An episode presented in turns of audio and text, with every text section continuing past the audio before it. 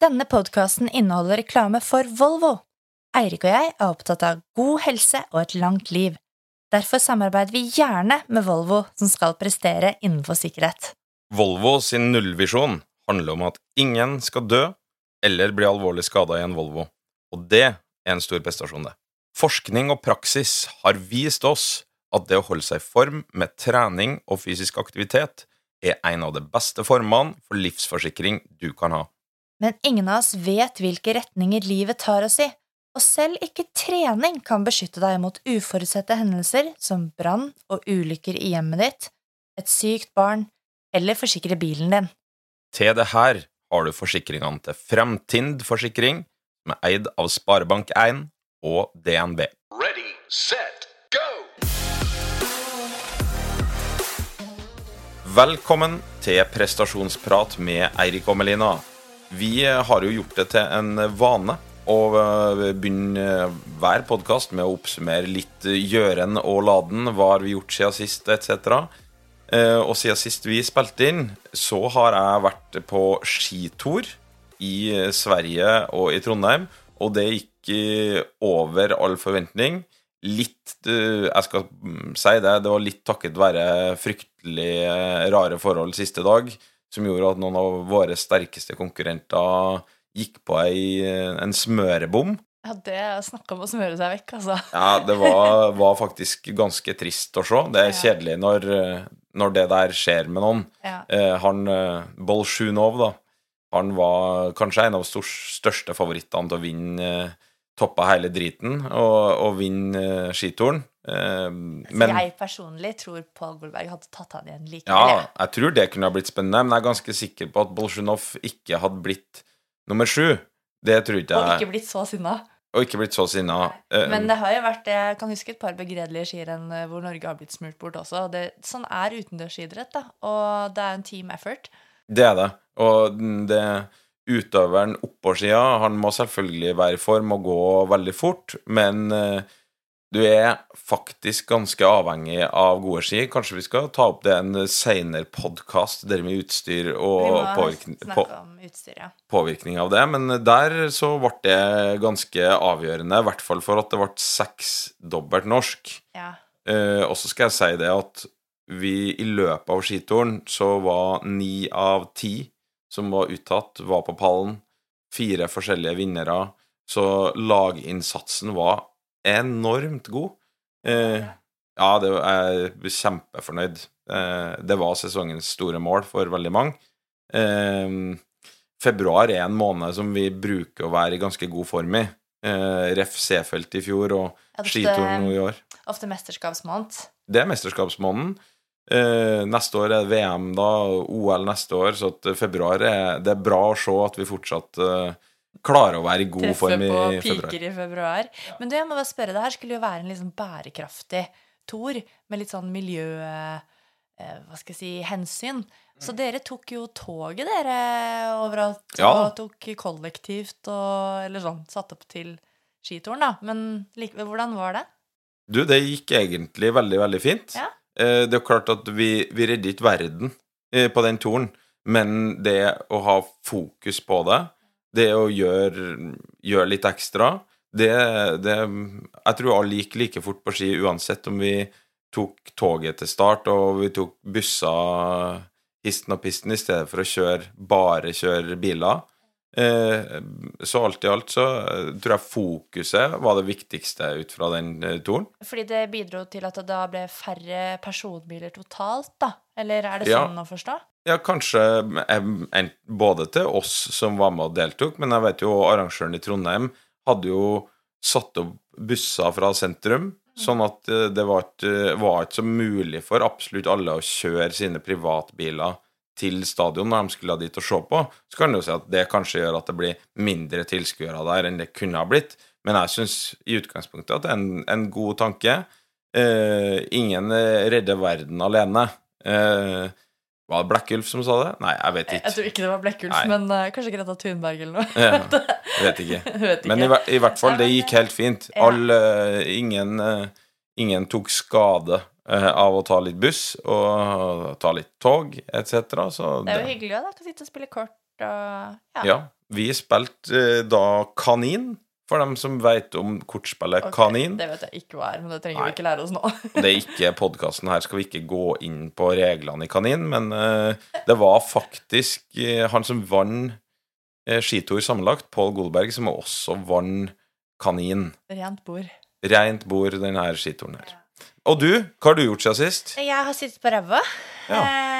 Eh, for å være helt ærlig. Eller jeg har trent litt, da. Men eh, jeg har jo hatt den her hjemmeeksamen, så jeg føler jeg har snakket hver eneste podkast om. Men eh, jeg fikk nå endelig pressa den eh, gjennom og eh, levert. Men det innebærer jo at man sitter så sjukt mye på rumpa.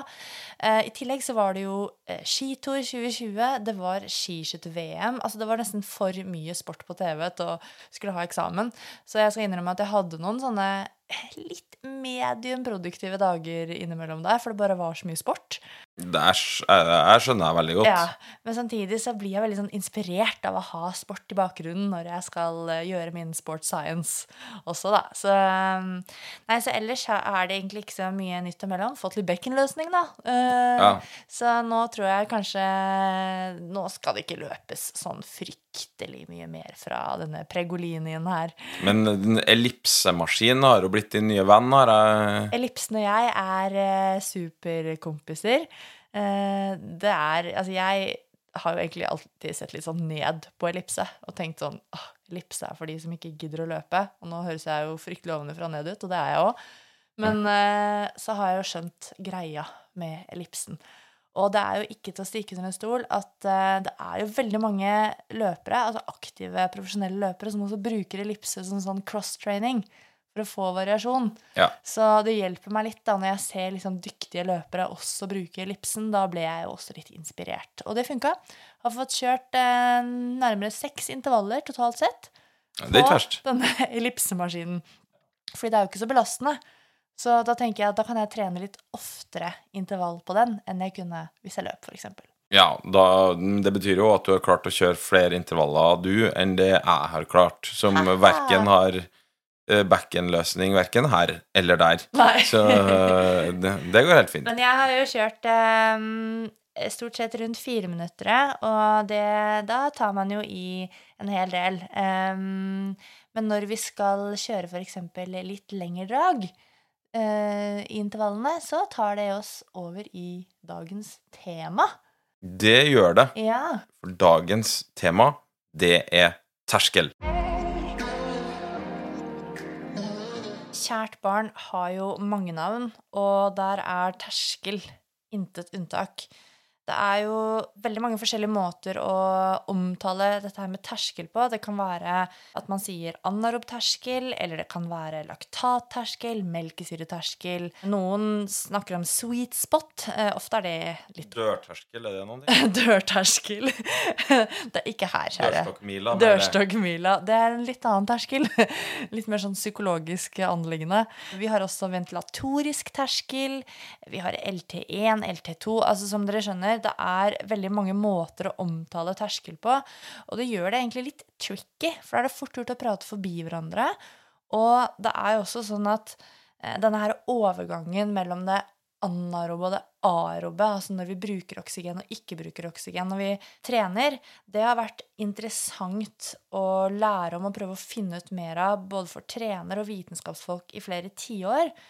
Men alle disse forskjellige definisjonene og begrepene gjør at ingen er helt enige om hva liksom eksakt hvordan terskel skal estimeres, eller eksakt hvordan vi skal omtale det. Men grunnen til at vi tar opp det temaet her, er jo fordi at det er et tema som dere lyttere har ønsket dere. Og eh, vi har en del erfaring med å både estimere terskel, både Eirik og jeg, og trene på terskel. Så vi tenker at det er et veldig interessant tema. Og det er dessuten en eh, ganske sterk sammenheng mellom det vi da kaller for anarob terskel og utholdenhetsprestasjon. Og det skal vi snakke mye mer om. Ja, det der er ikke noe tvil om. Men terskel, det er jo et ganske sånn begrep som alle har et forhold til. Og det refererer jo litt til litt sånn økende intensitet, og på et tidspunkt så kommer du til en såkalt terskel. Når intensiteten er under den terskelen, så er forholdene egentlig veldig sånn stabile. Nå prater jeg veldig sånn generelt for å prøve å bokstavelig hva er det vi snakker om. Der er det stabile forhold, mens idet vi på et vis nærmer oss den terskelen og går over den terskelen, så er veldig mange sånn fysiologiske ting som skjer i kroppen, som blir litt mer kaos. Altså, Ja, det var en fin måte å si det på. jo, men jeg, jeg føler at det er litt sånn, da. Ja. At når intensiteten går forbi den, det punktet der som vi, har, vi kaller terskel, da, da skjer det masse rart. Under der så er det stabilt, egentlig, i en, i en ganske lang range, men på veldig fort, da, rundt den terskelen, så går det fra solskinn og, og, Og og vindstilt til ordentlig, ordentlig tordenvær. Så det er der vi skal prøve å, å gå inn på i dag. Vi har jo brukt å ha vår faste spalte Fysiologitimen. Dette temaet er strengt tatt en Altså, denne episoden blir rett og slett en hel fysiologitime. Ja, så det er ikke sånn Vi skal ikke skulke fysiologitimen, Nei. men det, bare, det er så integrert, da, eh, all fysiologien i det vi skal snakke om, og når vi kommer til også den praktiske treninga. Så nå bare tar vi det litt sånn underveis. terskel for hva?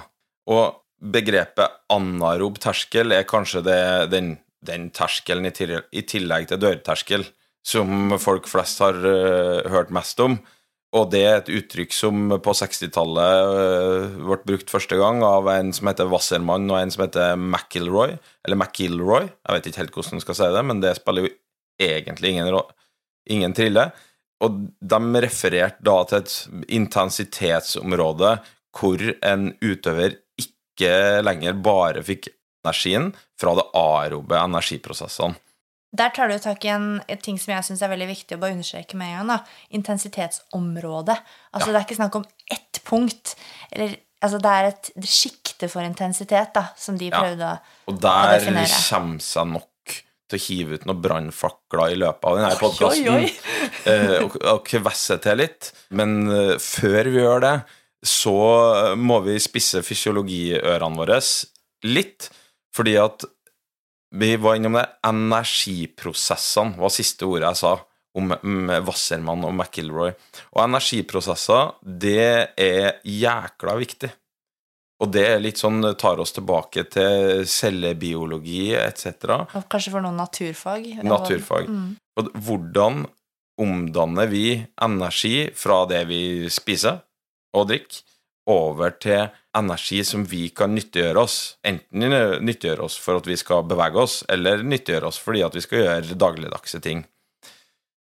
Ok, nå skal jeg se om jeg klarer å liksom gjøre det her ganske sånn smooth, da. Jeg har trua. Ja, fordi at når vi har spist mat, så har vi fett, og vi har karbohydrater. Vi forholder oss til dem i dag. Og når intensiteten er ganske lav, enten vi sitter i ro, eller at vi er ute og går, eller vi, vi har veldig lav intensitet, så får vi veldig mye av energien vår fra å, å bryte ned fett, enkelt og greit. Når energien øker, så blir større og større andel av den energien vi må ha, den kommer fra nedbryting av karbohydrat. Så intensiteten går opp, og da øker karbohydratforbruket. Forbruket. Mm. Ja. Og glukose, som da er mm, en type sukker, karbohydrat, det brytes da ned. i Glykolysen starter med det i, muskelcellene våre, og omdannes til noe som heter pyruvat. Og her kunne vi snakke, vi kunne ha ordna en egen podkast om glykolysen. Bare fortsett å høre. ikke, ikke mist oss nå. Nei, ikke mist oss nå. Og denne pyruvatbitmolekylet det kan gå videre inn i noe som heter krepssyklus, og noe som heter elektrontransportkjeden. Og til sjuende og sist så sitter vi igjen med masse, masse ATP, adenosin trifosfat. Ja, Som er masse energipakker. Ja, det er det som vi bruker når vi skal bruke en muskel. Så trenger den muskelen ATP for å gjøre den eh, kontraksjonen, da. Men for at glukose skal bli pyruvat, så trenger du at det er oksygen, nok oksygen til stede for å omdanne etter til pyruvat. For da arbeider arobt, ikke sant? Da driver Ja. vi med utholdenhetstrening, for eksempel. For eksempel, når intensiteten her nå har økt, og vi begynner å, ha, å slite litt, vi har ikke tilstrekkelig oksygen eh, tilgjengelig, da stopper egentlig den glukose til pyruvat-greia opp, Og vi, i stedet for å sitte igjen med pyruvat, så sitter vi igjen med laktat. Store stygge ulven, laktat. Og laktat, det hopper ikke videre. Det går ikke til krepssyklus, det går ikke til elektrontransportkjeden. Med andre ord så sitter vi igjen med færre energipakker i form av ATP. Det høres jo ut som skikkelig dårlig nytt hvis man eh, skal presse seg på intervall eller er i konkurranse. Ja, eh, i hvert fall da hvis intensiteten blir etter hvert så høy, eller for tidlig så høy at du til slutt går tom for Eller at du blir så stiv, da. Ja. eh, At, Been there. eh, been there, done that. De fleste har, som driver med utholdenhet, har eh, Gått på en smell. Ja. Da det terskelbegrepet som jeg har vært inne på her, det refererer til et liksom område, da, eller en intensitetsområde, hvor det er litt sånn likevekt mellom at ja, du produserer litt laktat, men du produserer også ganske mye pyruvat, Ja. som da går videre og, og, og fortsetter å produsere ATP. For at det er laktaten den eh, går ut i blodbanen igjen, går ned til levra, og kan igjen omdannes tilbake til, til pyruvat og, og Og glukose. Ja. og glukose. Og det kaller vi for eh, laktateliminasjonen. Ja. Og da, som det du sier der, er jo at eh, når vi er rett under, eventuelt på terskel, da, i terskelområdet, Mm. så er det da en likevekt mellom produksjon og eliminasjon av annet laktat, da. ja, det heter seg altså, at, Og dermed så vil du ved å fortsette å holde deg på den intensiteten der, ligge på en cirka samme laktatverdiene hele tida.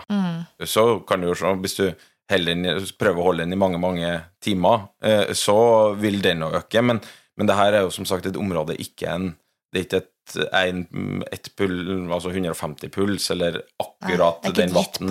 Nei.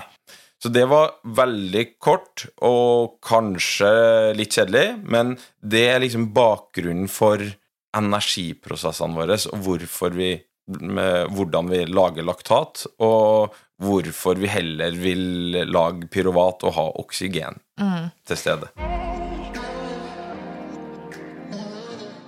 Som nevnt innledningsvis, da, så er det jo veldig mange forskjellige navn på den overgangen mellom det anarobe og det arobe, altså terskelen. Eh, Og det er fordi det finnes forskjellige måter å estimere det på. Og det er ganske mange ting som skjer inni kroppen som vi ikke får målt på. Du nevnte jo ikke at eh, laktat liksom er den store, stygge ulven. Jeg regner med du var ironisk, eller? Ja, jeg var For det, det var bare du som så meg når jeg sa det, men Ja. ja, det var Ja. ironisk. Det var ironisk, fordi tat er jo ikke noen stor, stygg ulv. Det er jo egentlig en uh, kjempekompis. Ja, det, så, eh, som jeg sa, den kan jo igjen omdannes tilbake igjen til, uh, til Glukose. glukose. Og dermed så blir det jo på et vis uh, en slags sånn energipakke, det òg. Men den må jo gjennom da Ja, omdannes ja, tilbake til glukose igjen. Ja, så Laktat har egentlig fått litt sånn ufortjent eh, dårlig rykte.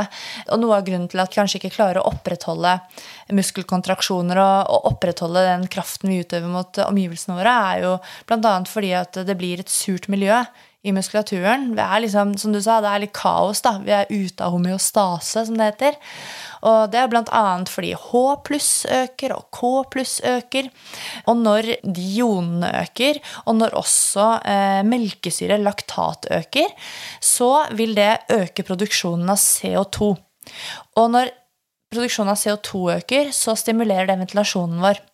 Og det bringer oss til det som vi kaller for ventilatorisk terskel, som er noe vi kan bruke sånn fysiologisk eh, testutstyr til å måle. Puster i den O2-slangen og ja, sånn som man har Vi har jo snakket litt om VO2 max-testing, ikke sant? Det har vi. Det er liksom samme type utstyr man bruker. Og ventilatorisk terskel det defineres som den belastningen der minuttventilasjonen din øker eksponentielt i forhold til økningen av oksygenopptaket. Og for eksempel så har friske, men ganske sånn utrente personer, de vil ofte nå sin ventilatoriske terskel rundt sånn 45-65% av VO2 max. Og så vil den ligge høyere hos personer som er godt trent, eh, og til eliteutøvere. Men det der sammenfaller jo ofte med eh, laktatterskel og laktatmålinger, basert på hvordan da opphopingen av laktat gjør at også ventilasjonen øker. Og det er veldig interessant når jeg er i lab og tester og gjennomfører sånne laktatprofiler, så ser jeg jo jeg ser på ventilasjonen og pustefrekvens og Altså, jeg ser det på andre ting også enn laktatmålingene, at nå skjedde det en endring. Ja, det er jo litt innafor det jeg åpna med. Altså at under den her terskelen, eh, terskelintensiteten, så er ting stabilt, og så skje- blir intensiteten høy nok, og så blir det litt mer kaos i en god del fysiologiske ting, da. Og det er ganske fint når um, å gjøre personer som du tester, da, eller um, ja, utøver som du har på mølla der, eller på sykkelen, gjøre de oppmerksomme på Kjente du forskjell? Fra det forrige draget til nå, kjente du forskjell i pusten? Jeg trenger ikke alltid spørre, for ofte så sier de da at 'å, nå pusta jeg mye mer'. Ja, det gjorde du. Og så er det på en måte et slags sånn misforhold da, eh, mellom hvor mye oksygen du tar opp, og hvordan ventilasjonen øker. Så, og det er en veldig fin følelse og referanse å ta med deg ut i treningsarbeidet òg, da. Men du Erik, hvordan forholder du som trener og, og utøverne på langrennslandslaget dere til egentlig anarob terskel? Ja. Og laktat og sånne ting? eh, laktat og sånne ting. Eh, vi forholder oss jo for så vidt Terskel, begrepet terskel, det er jo et begrep vi bruker egentlig ganske mye. Store deler av treningsåret vårt bruker vi veldig mye til stort volum av intervaller med en intensitet rundt terskel. Det er jo sånn vi prater om, men vi er veldig lite opptatt av å definere altså den pulsen eller den belastninga eller sånn der, hvor vi har nøyaktig den såkalte terskelen vår. Du står ikke ute med laktatmåleren på, på runding, liksom? Nei, i hvert fall ikke hver gang. Du har, med, du har kanskje med den av og til, og spesielt når vi er i høyden, mm. for å ha, mer altså, ha kontroll på at intensiteten er rolig nok. Over og under. Ja, over og under eh, kaos, da. Mm. Eh, Og jeg vil ha det i stabile forhold, og ikke opp i Mm.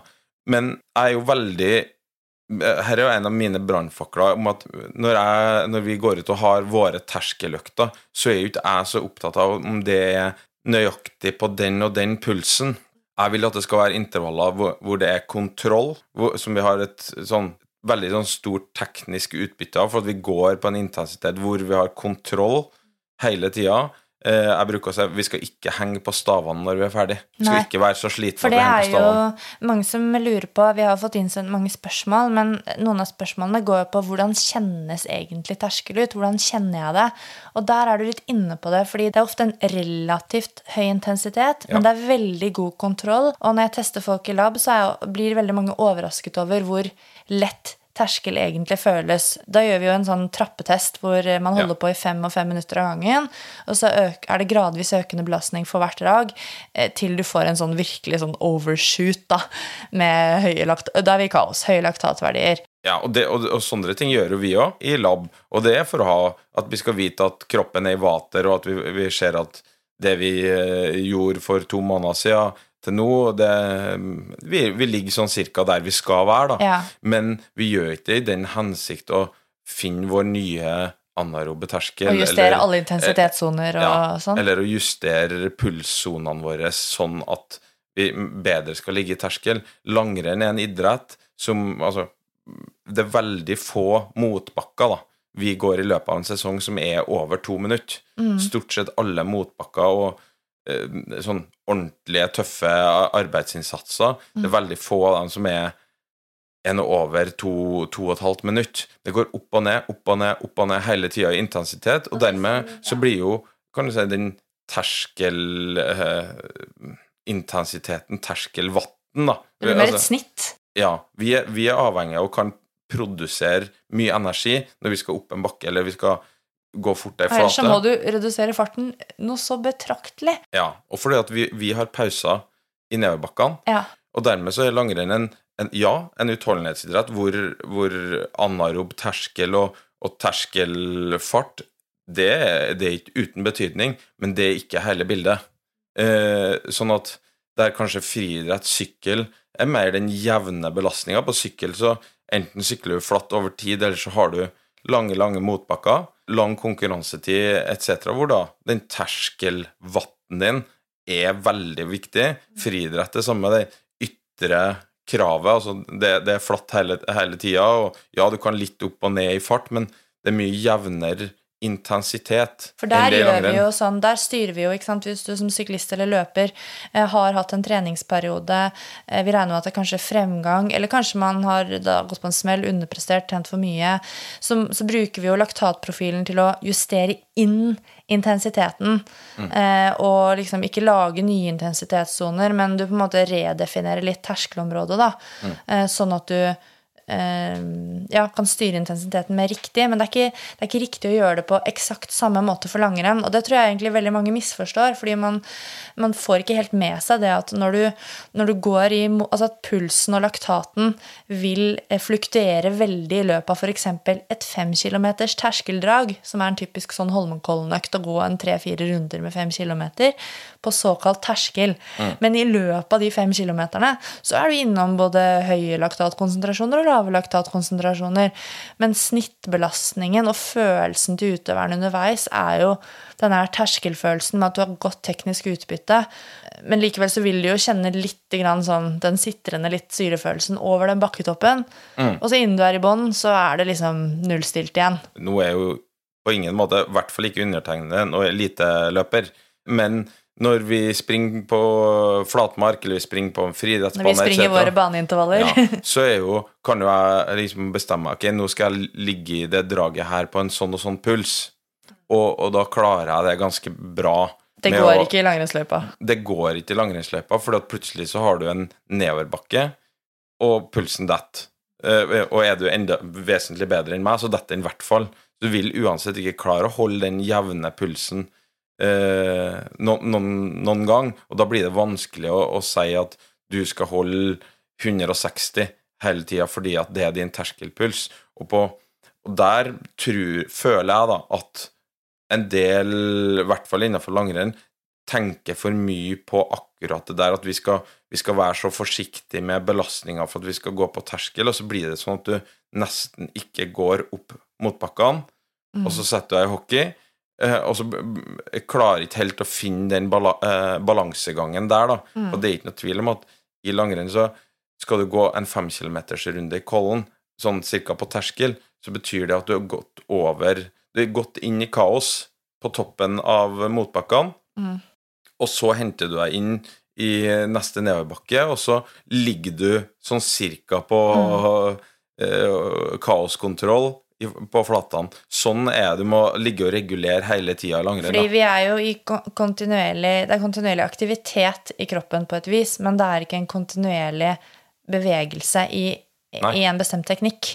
Nei, på ingen, eh, på ingen måte der. Men vi har jo intervaller på rulleskimølle, eksempel, som er mye mer terskellik. Mm. Fordi at du der, kan du der går du i flatt til motbakke hele tida, kanskje en 10-15-20 Men der har du minutters drag. muligheten til å gjøre det som syklister kan gjøre Yes. ellers, og som løpere spesielt da, eh, alltid kan få til. Det at du har de der de ytre forholdene er dønn stabile. Mm. Og da på normale dager så skal jo da eh, Bestemmer du deg for å gjøre en, en terskeløkt, eh, så, så vet vi at ok, men da skal du ligge på ca.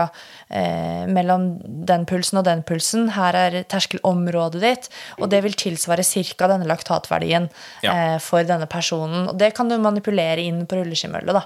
Ja, ja. Og det, der er det mye, mye lettere, og jeg er veldig opptatt av å finne den balansegangen. At du ikke bare trener på rulleskinnmølle, og, og kanskje ikke bare ut heller, men, men jeg føler at den utendørstreninga er mye viktigere enn den terskeltreninga på mølle til oss, fordi at det er tross alt det vi skal bli gode på. Hvor ofte har dere laktatprofiler, da? Det er veldig forskjellig fra utøver til utøver, men eh, alt fra nesten en gang i måneden i treningshalvåret til tre ganger i løpet av året. Så det, det varierer litt. Når, eh, nå er ikke jeg med eh, på det i år, da, grunnet uh, ruging på baby.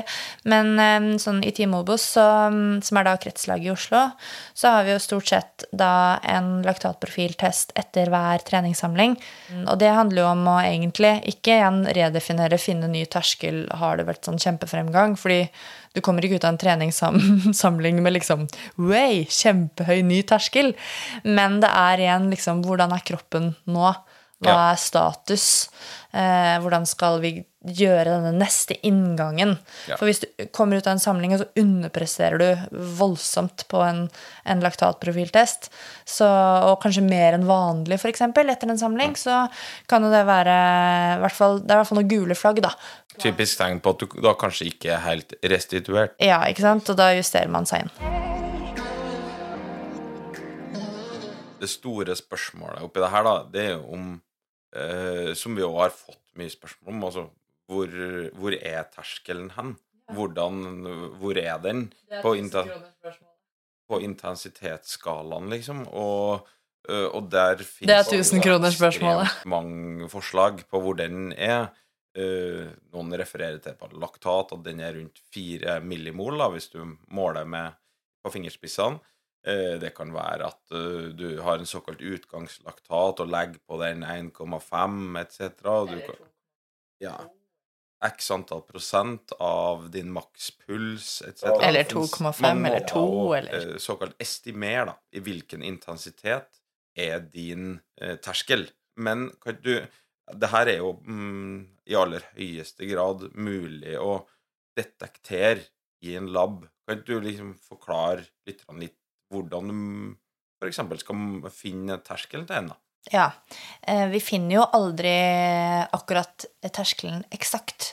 For det som du sier, det er jo Vi skal detektere liksom skal lage et estimat. Yeah. Det er det vi, vi estimerer terskel. Så Det er jo et viktig poeng, da. Men, og det er mange måter å gjøre det på, men kanskje en av de absolutt mest brukte protokollene, som jeg ser også går igjen og igjen og igjen i eh, ulike typer eh, studier, men, og også på praksisfeltet, er en sånn trappetest. Hvor du da gjennomfører x antall, ofte rundt uh, fem til kanskje maks syv uh, drag. Det er som en intervalløkt der du har drag på fire eller fem minutter, litt avhengig av hvilken arbeidsform det handler om. Og da starter man på en veldig lav belastning. Du starter sånn du føler, Det føles nærmest ut som oppvarming eller sånn rolig langturbelastning. Og så, hvis du vil man gjør det på løp, da, så løper du fem minutter der. Og i løpet av de fem minuttene så kan vi jo, hvis du er i en lab med mye utstyr, så kan vi jo måle oksygenopptak underveis og, eh, og puls underveis og mye ting underveis. Men når du først har gått et drag, så tar vi en laktatprøve fra fingertuppen. Man kan også ta fra øreflippen. Akutt etter det draget. Du har eh, puls hele tida. Ja, puls måler du under hele veien. Og så når du har gjort ett drag, la oss si du startet på f.eks. 8 km i timen, da, bare for å ta et tall, så øker man belastningen med 1 km i timen. Det fins også protokoller hvor det øker med 0,9 km i timen. Men rundt der, da. Eh, og så, så du har faste belastningsøkninger.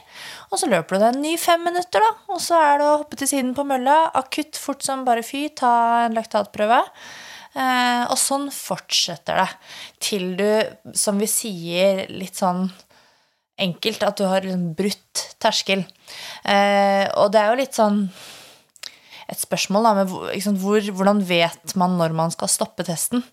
Eh, men vi får jo et forløp hvor vi da plotter laktatbelastningen, eller laktatverdien, mot arbeidsbelastningen. Og ofte er det forløpet såkalt sånn kurvlineært, eh, sånn at du vil få en sånn gradvis eh, mer og mer og mer økning da, i laktatverdien. Og plutselig så vil du få en sånn såkalt knekk i laktatkurven, fordi den rett og slett skyter i været. Um, og får du en veldig sånn markant økning i laktat, f.eks. at den øker med Det har kanskje økt jevnt og trutt med sånn ja, rundt 1 til 1,2 eller noe sånt nå, og så plutselig så øker den liksom med 2,5 eller ja, noe sånt nå, så vil det slå veldig ut på kurven, og man kan si ganske sikkert at det draget der, det var over terskel. Så Det er jo litt innafor det vi var inne på i starten. Altså dere går fra kontroll til kaos. Ja. Altså Plutselig så skjer det noe. Ja. Hvis du føler eh, Hvis dere er på drag fem, da, så vil Mhm. det fire første dragene se litt sånn steady ut. Det ser nesten ut som det er ganske flatt forløp. ganske flatt en stund ofte. Ja, og så plutselig så er det en laktatverdi som skyter i taket. Ja, og når du tester en ny person, så vet du egentlig aldri når den der overshooten kommer, da. Da må man jo bare ta belastninger og litt sånn på feelingen. Men det eh, Og så må man jo, ikke sant, da har, sitter vi der med en kurve plottet mot eh, puls og laktat, eller belastning og laktat. Og så er jo spørsmålet da, ok, akkurat hvor på denne kurven der skal jeg liksom sette her er terskelområdet. Og hadde det vært så enkelt som at terskel eh, er fire millimol i laktat på alle personer, hadde jo min jobb vært fryktelig enkel. Men det kan du se på, på individuelle kurver, at det, det, vil ikke stemme for alle. Sånn at eh, noen, noen, vil jo være pinnestiv på fire millimol, og, og noen vil liksom ja. ha en ikke kanskje utgangslaktat eh, på rolig trening på fire, men ja, like langt unna. Ja, så det er individuelle forskjeller. Vi har forskjellige egenskaper iboende i muskulaturen vår, og måten vi, måten vi bruker laktat på også. Så man må se på kurveforløpet. Man kan ikke bare sitte og på, titte på tall i en tabell. Så um, ut ifra sånn som jeg praktiserer, så må, må jeg liksom gjøre en, en delvis skjønnsmessig vurdering eh, i forhold til hvor er det fornuftig å sette dette området, basert på hvordan det foregående draget var. Og så ofte så kan man jo da ha andre støtteparametere, som personens subjektive følelse, økning i puls, økning i ventilasjon. Uh, ja, så det er jo mange ting som spiller sammen når du skal estimere knekkpunktet i kurven, og da laktatterskelen, uh, da, for en person. Ja. Eh, men det, det, her var jo på løping. På sykkel så har du jo noen ja. måter. På sykkel så gjør vi vanligvis Skal du ha laktatprofil, så er det egentlig akkurat det samme. Eh, bortsett fra da er det ikke en fast økning uansett hvem det er som kommer i laben. Da må vi tilpasse wattøkningene til individets treningsstatus. Fordi hvis du hadde kommet i laben og jeg hadde satt deg på 50 watts økninger per drag, så hadde du stivna på to drag. Ja. Beklager å si det. ja, det er helt sikkert. Ja, og jeg også. Eh, så da kan det variere fra f.eks. at man har en økning på rundt 20 watt per drag, 25 til 20, eller kanskje 35 watt per drag. Litt avhengig av treningsstatus. Men det er kanskje først opp på elitenivå at du har sånn 50 watts økninger per dag, da, som er veldig mye. Da kommer du fort opp i, i høye tall. Men så har du også en test som kalles for FTP-test. Det er jo en, en, test hvor du ikke bruker laktatmålinger. Da bruker du watt. Så da må du ha en sykkel med wattmåler, wattpedaler.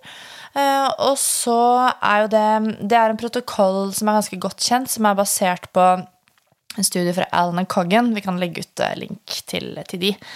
Um, og der handler det jo om at i utgangspunktet så, så, sier man ofte at terskel, det er den belastningen og slash intensiteten som du kan arbeide på uten å stivne og akkumulere mye laktat, f.eks., eller uten å få fall i prestasjonen, som varer en time. Og det er egentlig den originale FTP-testen. Det står for Functional Threshold Power Test, um, basert på. Men så er det sånn at det å bruke en time på å gjøre en sånn test, da skal du jo sykle det du kan, da, eh, i en time. Og så er jo den snittvatten på 60 minutter det vi regner som terskelvatten din. Men så er det en testprotokoll som handler om um, en 20-minutters test. Der er det litt forskjellige varianter av oppvarmingsprotokoller, men ofte så handler det om at man kjører en sånn ganske sånn nærmest maksdrag etter å ha varmet opp. Veldig kort drag. Og så, etter det, går du på en 20 minutters test, hvor du sykler det du kan i, jevnt i 20 minutter. Og så, basert på snittvatten på de 20 minuttene, så regner man da ut det som skal være functional threshold power. Og da tar man snittvatten fra 20 minutter ganger 0,95. Så du får 95 da. For det er fordi man regner med at den 20-minutterstesten ligger 5 prosentpoeng lavere enn 60-minutterstesten. Og så er jo spørsmålet da Stemmer dette, liksom? Det er jo ganske fantastisk hvis du bare kan måke til på en 20-minutterstest, og så har du liksom vips terskelen. Men det man ser, er at, eh, og som er viktig å huske på, det er at på gruppenivå så er FTP 20 og også FTP 60 relativt presise. Men denne formelen er jo basert på gjennomsnittet av ekstremt mange målinger. Eh, og det betyr at det er store individuelle variasjoner. Og det blir ofte ikke kommunisert når man lærer ut disse terskeltestene og disse, disse modellene. Så kan så du må liksom, Når du gjør en FTP-test, det er absolutt en, en, test som er verdt å gjøre hvis sykling er din ting, og du trener wattbasert og ønsker å, å basert på um, functional threshold power, uh, så kan du lage wattsoner? Istedenfor å ha intensitetssoner basert på puls eller basert på laktat, så kan du ha wattsoner. Så det er jo det samme prinsippet som Olympiatoppens intensitetsskala, bare med watt. Ja, det, det, sånn her vet jeg jo mange i friidrett, i svømming og sånn, intensiteten deres går opp på fart. Ja, og, det går på belastning direkte. Ja, ja. Hvor fort skal jeg svømme ja. den uh, neste 200-meteren? Ja. Hvor fort skal jeg springe denne 1000-meteren? Og det er måten det måles belastning på, ikke nødvendigvis via puls, som kanskje mange andre idretter gjør, da. Ja. Det er jo bare forskjellige måter å, å, å definere belastninga på. Ja, det er egentlig det. Og det er jo for å presisere liksom hva slags arbeidsbelastning bør du ligge rundt da når du skal trene dine terskeløkter, som vi skal snakke om snart. Men det, det er i hvert fall Jeg vil jo nok anbefale å, å kanskje gjennomføre en 60 minutters test, hvis man har ork til det, for de er jo mer presise enn de 20 minutters testene. Um, og så er det jo også sånn Man har gjort, også gjort en sånn Borch, eller hva det nå heter. Jeg klarer ikke helt uttale det. Um, Borch. Borch med medarbeidere. ja, de har gjort um, en sånn validitetsstudie. Det er ikke så mange av de studiene, men de har i hvert fall gjort en ganske god validitetsstudie hvor de har sett på FTP i forhold til laktatprofil, da, hvor godt de stemmer overens. Og jeg tror det skilte én watt, ja, eh, mellom FTP på 20 minutter og, eh, og laktatprofilvann. Men det var også på gruppenivå. På individnivå var det store variasjoner. Så det betyr jo at ehm, Eller det jeg vil anbefale, det er absolutt å gjennomføre FTP-test. Men så må du faktisk sjekke om de sonene oppleves riktig. For at eh, hvis det føles helt merkelig og uoverkommelig å skulle holde de sonene føles for lett i forhold til eh, hva som er beskrevet i intensitetsskalaen, f.eks., så da må du inn og justere. Da er det kanskje du en av de som variasjonen kicker litt inn på, da. Så um, ikke stol blindt på resultatene. Nå syns jeg da det begynner å passe ganske fint å, å ta noen lytterspørsmål. For nå begynner det å nærme seg at vi må ha litt sånn praktisk nytte i forhold til trening etc. Og vi har fått inn veldig veldig mange spørsmål. Ja, Tusen takk for det. Det er uh, helt sinnssykt hvor mye som har kommet inn på det temaet her. Ja, og vi rekker jo som vanlig egentlig ikke å svare sånn direkte på alle. Noen av dem uh, tror jeg vi allerede har svart på, og noen av dem kan vi prøve å svare på nå. Og det første spørsmålet her, det er egentlig mange som har stilt. Det er hvordan en kan uh, finne sin anarobe terskel ved løping uten laktatmåler, og om eh, anaerob terskel er trenbar. Og for å ta det første først, da, mm. eh, så vil jeg jo anbefale egentlig litt som den tankegangen du sa om FTP, da. Det å så finne seg da en, eh, en strekning som er relativt flat, eh, og, og, som tar litt tid å sprenge. Du var inne på en time, kan den FTP-testen var. Og jeg òg ville ha valgt en sånn der type distanse ja, sånn i løping. Ja, sånn 45 minutter ja. til en time. Ja, som du springer fort, men ikke så fort at du, du hiver vanvittig etter pusten, men at det, det er hardt, men ved kontroll.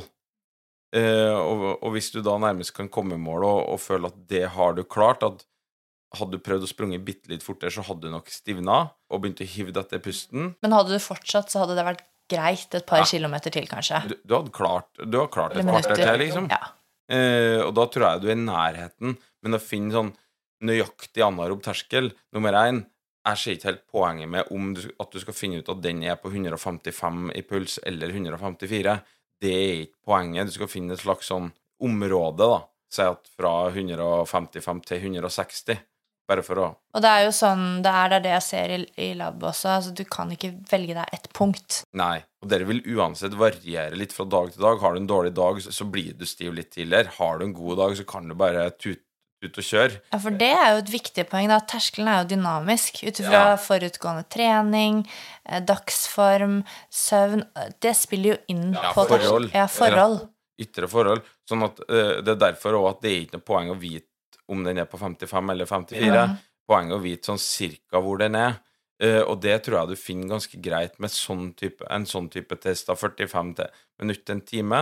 Da får du farta di, du får uh, pulsen og, og da kan du bruke det som et relativt godt utgangspunkt, tror jeg.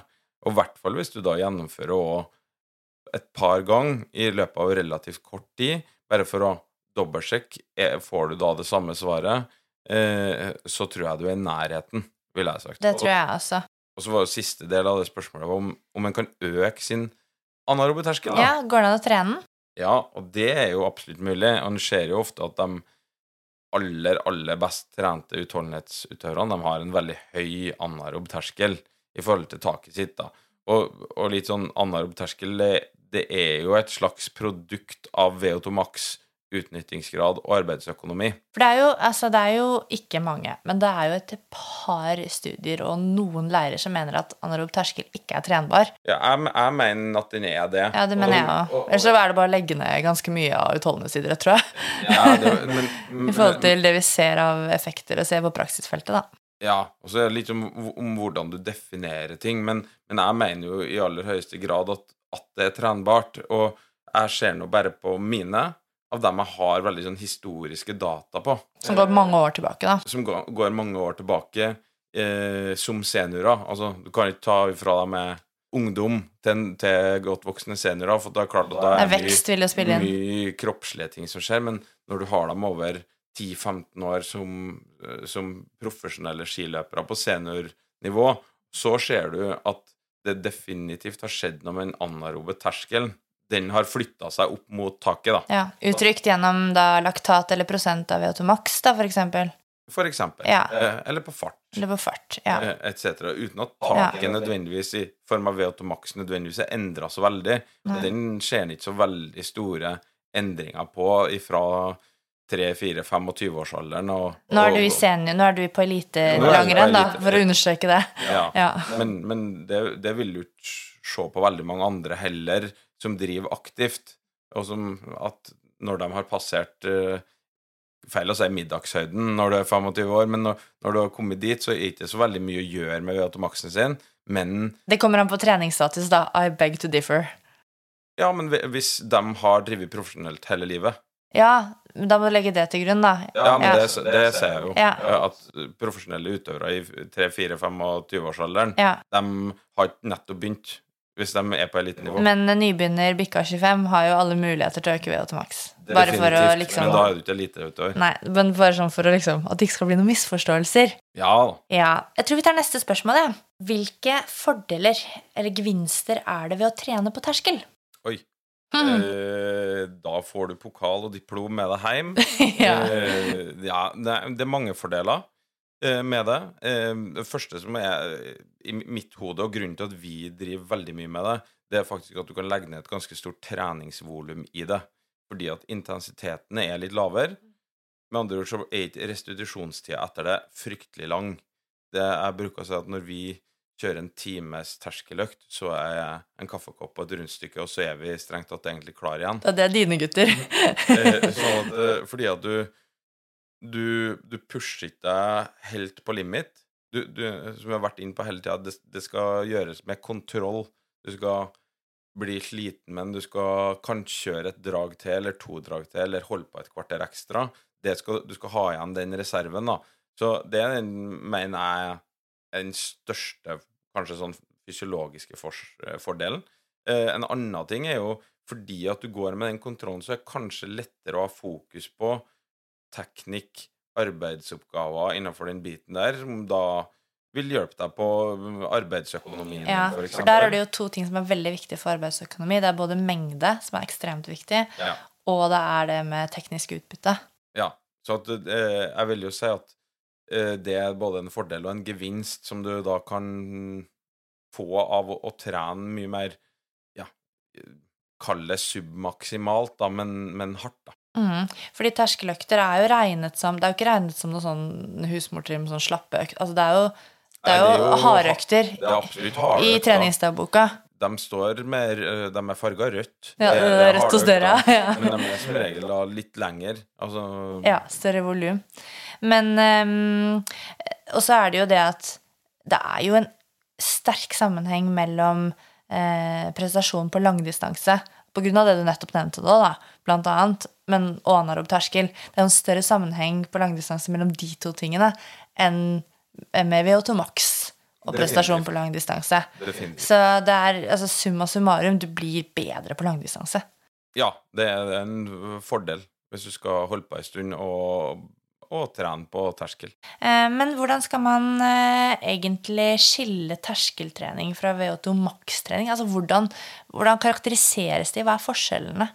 Ja, da regner jeg med at VO2 max-trening som her, da, det er jo litt mer all out-trening. Det, det, det er høy I4, I5 regner jeg med. Ja, du, skal ligger- øns du ønsker å stimulere hjertet mye, da. Ja, maksimalt. Og det, em, terskeltrening skiller seg fra det med at du går på en litt lavere intensitet, som jeg har vært inne på. Eh, samtidig så Og her tror jeg det er litt forskjell på elite og på litt dårligere trent. På elite så er, er jo terskelen veldig høyt opp, langt oppe i I4. Er jo terskelen Og noen lavt i I5 til og med. Ja, ikke langt unna det. Eh, I hvert fall i sånn spesifikke arbeidsformer.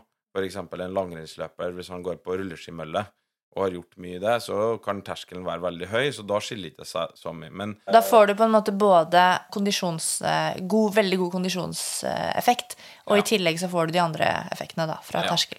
Mens til oss eh, som kalles Jørgen Hattemaker, da eh, eh, Snakk for deg sjøl. så er jo terskeltrening kanskje det, det stimulerer kanskje per minutt mye mindre de sentrale faktorene som hjerte eh, enn det som her kalles VO2-makstrening. Ett minutt med hard, hard trening påvirker hjertet i kanskje større grad enn da terskeltrening ett minutt med terskeltrening gjør. Men så er det klart, det jeg har svart på i forrige spørsmål, var liksom eh, Du får samtidig et større volum, da. Du, og du kan kanskje gjøre det oftere, eh, etc. Så det er jo hele tida dere blir en avveining. avveininga du må gjøre, og, og som Det er ikke noe fasit på. Eh, og da ville jeg sagt ja takk, litt begge deler, hvis du skal eh, komme noen vei her i livet. Eh, så må du ha litt av begge delene, og ikke bare dunke-dunke syre, og ikke bare bare ha litt halvhardt. Bra. Vi tar neste spørsmål. Hvordan skal man egentlig trene på terskel eh, og vite at man er der, da, uten å ha denne her laktatmåleren eller å ha noe wattmåler? Skal man bare drive og føle litt, eller eh, hva? Ja, jeg tror vi svarte egentlig ganske brukbart på det i et spørsmål tidligere her, eh, men det er jo at du, du skal føle at du har kontroll. Mm. Eh, Men hva med pulsen, da? Fordi ofte så vil vi jo finne sant, et område for eh, terskelpuls. Eksempel hvis man har vært i laben og testet, så får man jo estimert ut et område. Din terskel ligger ca. mellom disse pulsverdiene. Men det er jo ikke sånn at pulsen er liksom den samme hver eneste dag på en gitt belastning. Nei, men at, at, uh, det som du skal prøve å etterstrebe, er jo den feelingen. At, øh, øh, og jeg tror jo det for ungdommer inn i voksen alder og sånn, som er i den lærefasen, så tror jeg det er viktig at de begynner å lære seg den biten her. Eh, Sjøl om jeg er av dem som mener at kanskje ungdommer som er mer den utviklingsfasen på sentrale faktorer, kanskje kan ha relativt sett litt tøffere trening, så tror jeg jo at det med å lære seg hva er er sånn- hva er hardt, men med kontroll, da, eh, er viktig. Så jeg tror jo, hvis spørsmålet er hvordan trene på terskel, så tror jeg det Jeg har ikke noe bedre svar enn det. At i og med at pulsen varierer litt med dagsform og Diverse. hydrering og ernæring og uh, holdt på å si alt, så er det den Du skal etterstrebe den følelsen av hardt, men med kontroll, da. Og det er jo ofte sånn uh, Utøvere leter jo ofte etter en følelse òg. Man leter etter en godfølelse, en spesifikk følelse, i ulike økter, da. Ja. Og får du den følelsen som du liksom korrelerer med den økta, så har det vært en bra økt ofte. Ja, og, og der kan jo pulsklokka være både til hjelp og til forvirring til tider, da. eh, hvis du ikke har ekstremt er ekstremt god på å stenge ut dere følelsene omkring at Oi, er pulsen så lav? Oi, er pulsen så høy? Men eh, det, det, det skal overstyres av liksom, erfaringa di, da. Det, det tror jeg er viktig. Ja, og der koker det egentlig ned til at du må jo faktisk erfare nok ganger også hva som er Oi, litt overterskel, dette, nå gikk jeg på en smell, liksom. Og ja. Så det kommer jo litt med erfaring også. Um, vi tar neste spørsmål. Ja, Du svarte jo egentlig litt på det. Når bør man begynne med terskeltrening? Får man bedre effekt som seniorutøver? Det siste delen er kanskje mest relevant å svare på, fordi man kan jo begynne når som helst, egentlig. Ja, altså Eller det vil si, eh, laktat hos barn er jo litt annerledes enn hos voksne, da. Ja, altså det med laktatmåling, det er, er jo jeg en motstander av til altfor unge utøvere. Eh, men det med å, effekten tror jeg er mest på det med læring. Ja. Eh, det med å lære seg hva er, hva er hardt, men med kontroll, da, for å bruke det uttrykket som har brukt hele tida her. Eh, hva er det kontra full peis Mm. eh, og sånne ting. Eh, så jeg tror det er det, det det er den største effekten er.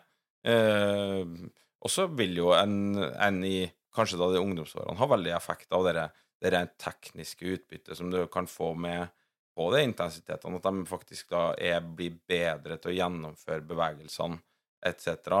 Ja, når det ikke er full pupp hele tiden, liksom. Ja. Mm. Eh, Men er det sånn, så det er ikke nødvendigvis sånn at man får bedre effekt som senior? Eller vil si, altså, Det er jo en del av spørsmålet da, om man får bedre effekt som litt eldre utøver. Og Da tenker jeg på at ok, når du begynner å bli en litt eldre utøver, så er det naturlig å øke treningsvolumet. Så det er kanskje der effekten ligger, da. Ja, jeg tror nok det. Og, og, og det er veldig forskjell fra, fra idrett til idrett om hvor lang konkurransetid du har eh, i ung alder. Altså, du har jo ganske unge som f.eks. driver med sykkel, som har ganske lange, lang konkurransetid, som, som da det vil kunne kanskje ha sett en effekt av, av det her, mens eh, i langrenn så driver de jo og går relativt korte distanser. Mm, og løping òg. Som unge så er det også ganske korte distanser. Da tror jeg det er tid for siste spørsmål. Hva har du valgt ut som siste spørsmål i dag, min kjære? Det er altså en som lurer på at hvis det er sånn, da, at terskel, terskel ligger på den belastningen eller intensiteten som du kan holde i løpet av ca. en time, blir det ikke da litt for lav belastning når man skal begynne med intervaller og ha pauser og du vet? Jo, det, det kan en jo på et vis si, men samtidig så er jo poenget her at det skal være ganske sup... mm, Nei, ikke supramaksimalt, men submaksimalt. Altså Ja, lavere enn maks. lavere enn maks. Eh, det her er belastninga du kan holde på en time, men da skal du være ganske sliten. Da, det, det skal koste å holde på en time på den belastninga her. Ja, maks et kvarter ekstra. Ja, så hvis du skal da ha en intervall som varer i 45 minutter da, eh, på den belastninga, så tror jeg det koster ganske mye, men samtidig så vil du da ha veldig kontroll du, og klare å være konsentrert under hele den økta. da. Så ja, det eh, Det kan til noen føles veldig lett, men jeg oppfordrer jo alltid å prøve det litt. Jeg vet jo at i friidrettsmiljøet så gjøres jo i prinsippet det her ganske ofte, der du har folk som da springer som konkurrerer på 10 000, 5000, 3000 kanskje, men de driver jo da og springer 400 øh, 1000 meter etc. På, på sin konkurransehastighet. For eksempel springe 400 meter på 3000 fart, da. Ja. Og med litt lange pauser, så, så blir jo det på en måte en terskeløkt, da. Ja, på et vis så blir det egentlig det. Så at prinsippet her er egentlig ganske det samme. Um, og jeg, jeg tror jo du får egentlig et ganske godt utbytte likevel, i hvert fall hvis du da deler opp, deler opp det dragene her i litt lengre drag, f.eks. seks ganger ti, da. Mm. Da har du egentlig, gjør du egentlig samme workloaden som i en kontinuerlig seks minutter, men du får dere pausene med en eh, subdrikke etc., og sikrer deg samtidig god restitusjon. Da. Så eh, eh, jeg tror det er fornuftig å kjøre deg på den intensiteten, sjøl om det føles, spesielt på de to første dragene, litt lett. Ja, de to skal nesten føles litt for lette. Da tror jeg vi skal takke for følget og avslutte denne episoden av Prestasjonsprat. Håper dere har blitt litt klokere om dette med terskeltrening. Og eh, det er selvfølgelig bare å fortsette å sende oss eh, spørsmål og sånn. Vi svarer på både på mail og på Instagram. Men det blir noe litt sånn sporadisk hva vi rekker, da, og litt tilfeldig. Men eh, selvfølgelig, bare kjør på. Det nærmer seg slutten av sesongen min nå, så nå uh, Nå får Eirik så mye tid til å være på SoMe at, eh, at det hjelper. svaret på alt. Ja, du skal, du skal ordne babyrom, du. Det skal Ja, du det gjøre. Ja. Uh, men i hvert fall, tusen takk for følget, og du kan gjerne fortsette å følge oss i sosiale medier. Vi er på at prestasjonsprat overalt, og så har vi selvfølgelig også våre egne kanaler hvor dere finner oss. Så vi lyttes. Ha det bra.